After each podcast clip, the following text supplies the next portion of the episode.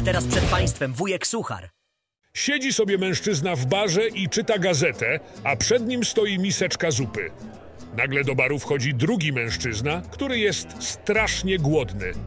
Patrzy i widzi, że ten pierwszy czyta gazetę i zupełnie nie zwraca uwagi na swoją zupę. Decyduje się więc skorzystać z okazji i zaczyna jeść. W miarę jak je, nagle na dnie miseczki dostrzega grzebień. Ten widok jest tak odrażający, że czuje się źle i wymiotuje.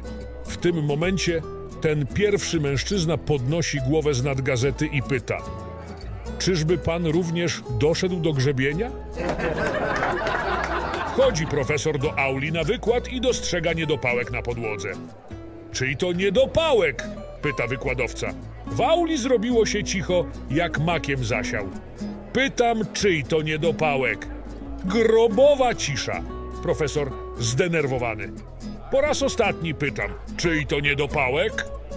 Głos z końca sali. Nikomu nie przeszkadza, można zabrać. Przychodzi mężczyzna do dentysty i mówi: Dzień dobry, mam pewien problem. Dentysta pyta: Jaki problem? Mężczyzna odpowiada: Wydaje mi się, że jestem niezbyt rozgarnięty. Dentysta zaskoczony mówi: Hmm, w takim przypadku powinien pan udać się do specjalisty, a nie do dentysty.